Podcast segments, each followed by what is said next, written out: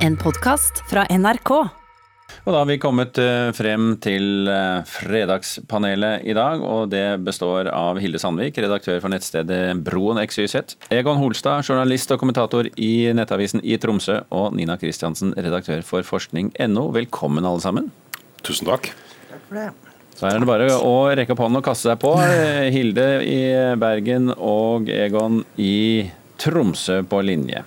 Vi tar første spørsmålet først. Denne uken kom debattredaktør i New York Times offentlig ut med sitt oppsigelsesbrev. Barry Wise mener hun har blitt mobbet ut av stillingen, og sier at Twitter nå har tatt over redaktørstolen i den tradisjonsrike avisen. Så vårt spørsmål er har Twitter tatt over redaktørrollen i The New York Times? Vi kan begynne i Bergen. Eh, ja. Tromsø. Nei. Og her i Oslo. Nei. Da skal du få lov til å begynne, Hilde Sandvik. Nei, altså Selvfølgelig har ikke Twitter tatt over redaktørstolen i New York Times, men det som skjer nå er jo en tiltagende det som snakker om sånn cancel culture, som, eh, som nå bl.a. rammer debattredaktøren i New York Times. Kan du forklare kort hva cancel culture er? Nei, det er jo nettopp, altså det er jo nettopp denne type online-shaming som en ser eh, brukt i, mer, i, større og større grad, og der, der det å boikotte og shame eh, på Twitter er en av de virksomme kanalene der en, der en, der en ser nå eh, at eh, ja, det får konsekvenser som bl.a. er at debattredaktøren går av fordi at en ikke klarer å stå opp som redaktør skulle ha gjort i New York Times mot den mobben da, som skjer eh, i Twitter.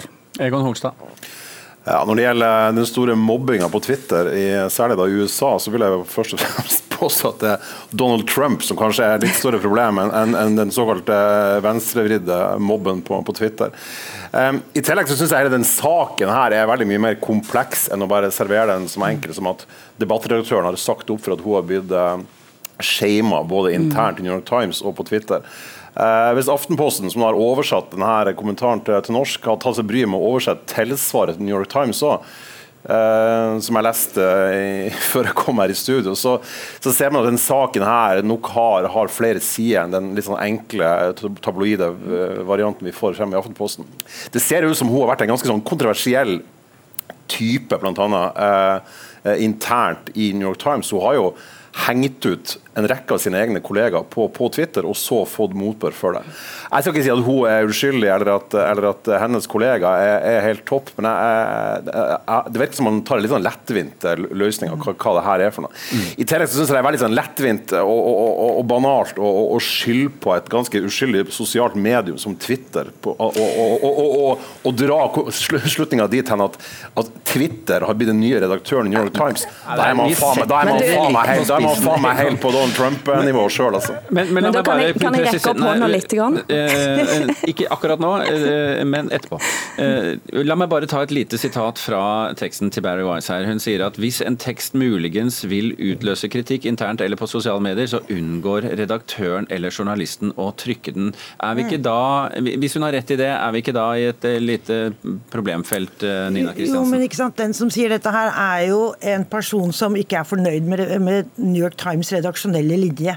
Altså Det som har skjedd, er som om en kristen dagsavis skulle ansette en debattredaktør som da er mot Gud, kjerka, Helligånd og de kristne. Nettopp fordi de ville ha inn den stemmen. Det er jo ikke noe rart i at det blir bråk i redaksjonen.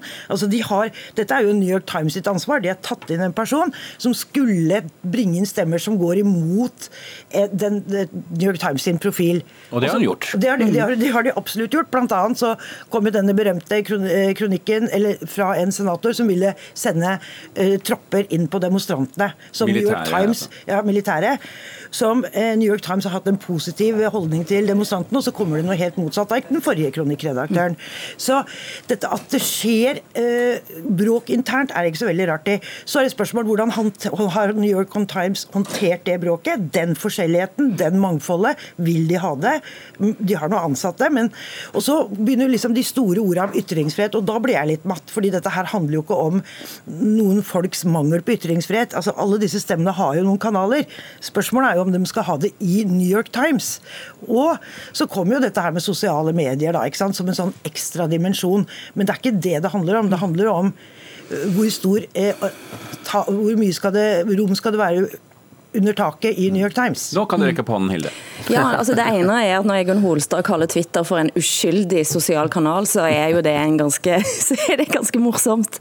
Altså Det er ingen tvil om ja, Det var en spissformulering for, Nei, men, men, i, i, i svar til spissformuleringen. Jeg, ja, jeg, jeg mener selvfølgelig ikke det. at det er men, altså, Poenget her er jo både at Facebook og Twitter er solide, markante, mektige aktører inne i et politisk landskap som er gira på polarisering.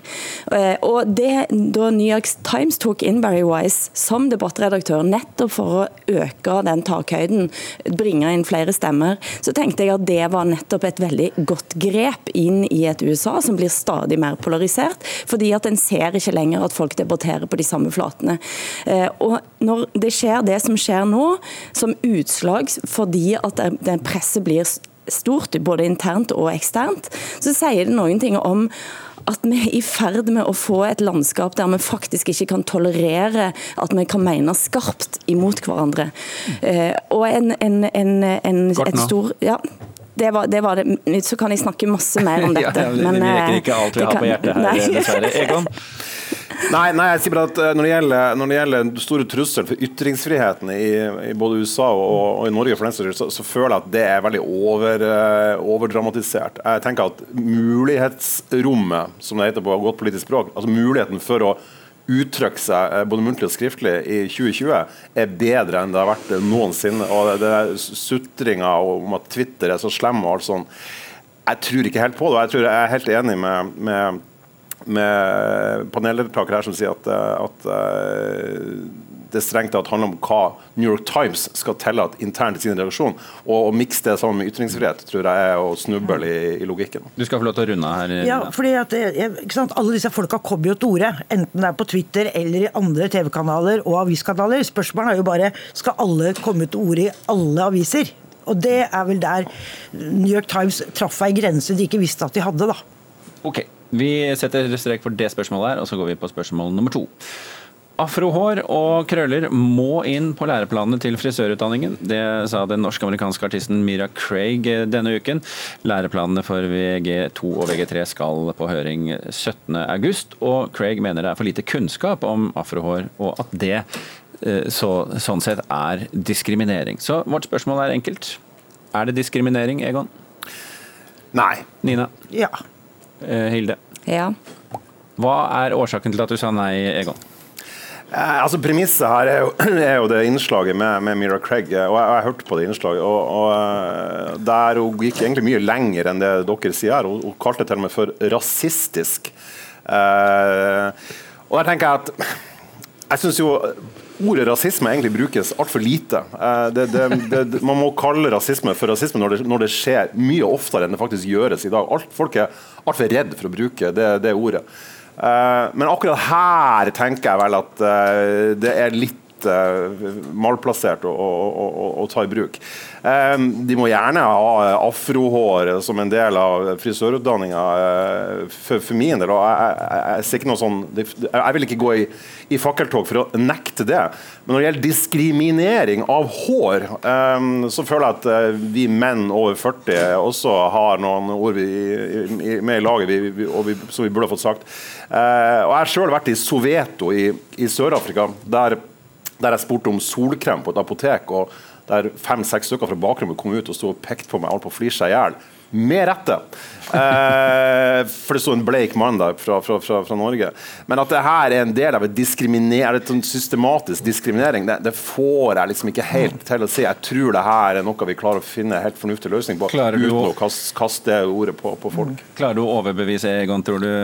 Ja, altså, en afrohår skal inn i frisørutdanninga i Norge fordi at eh, det er mange som har det her. Men det er noe med kvinner og hår, da. ikke sant? Altså, ikke skal det synes, det skal synes. ikke skal det være kort, ikke skal det være krøllete. altså Det er så mye med kvinners hår.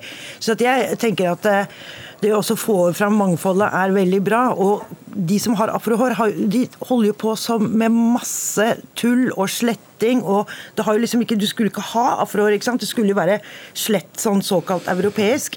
Så det å få fram liksom litt sånn gode folk som kan lage gode frisyrer og afrohår, sånn at veldig mange kvinner slipper veldig mange timer med å slette og eh, ja, det hadde vært bra. Kan vi bare eh, påpeke at det er ikke bare kvinner som har afrohår?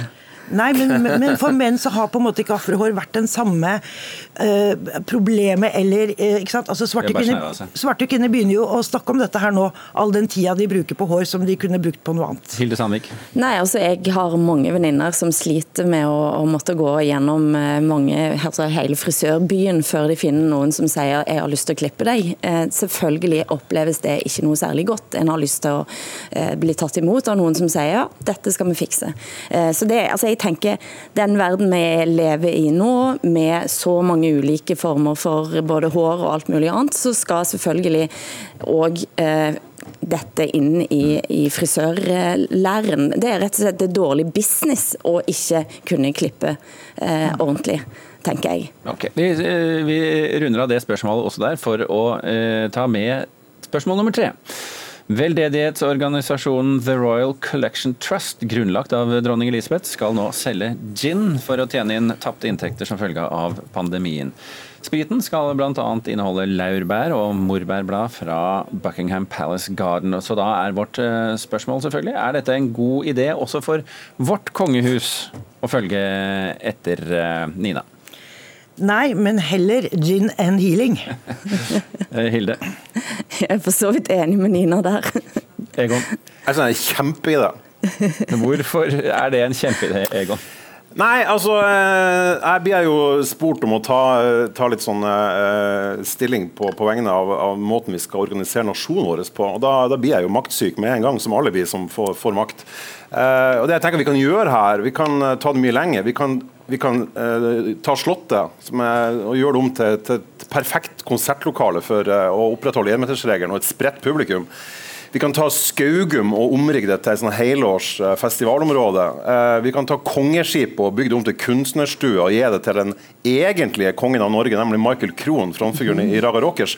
Og så kan vi ta apanasjen til de som da er i det norske kongehuset, og dele den ut som turnéstøtte til norske band og artister i en tid der de sliter. Og da vil vi eh, som følge av alle her endringene snikinnføre eh, republikk. Og så vi, kan vi legge ned kongehuset, og så er alle menneskene i Norge happy. Så jeg tror det er en kjempeidé. Hilde Sandvik, jeg aner meg at du har et ansvar? Nei, altså, men Det høres jo gøy ut, det, men da kan vi jo på en måte bare avskaffe det først. og det, det, Den diskusjonen kan vi jo gjerne ta.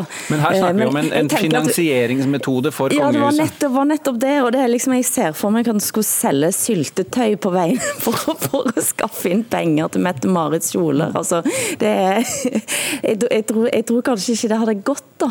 Eh, jeg tror kanskje at vi jeg, jeg ser ikke for meg verken gin eller syltetøy med liksom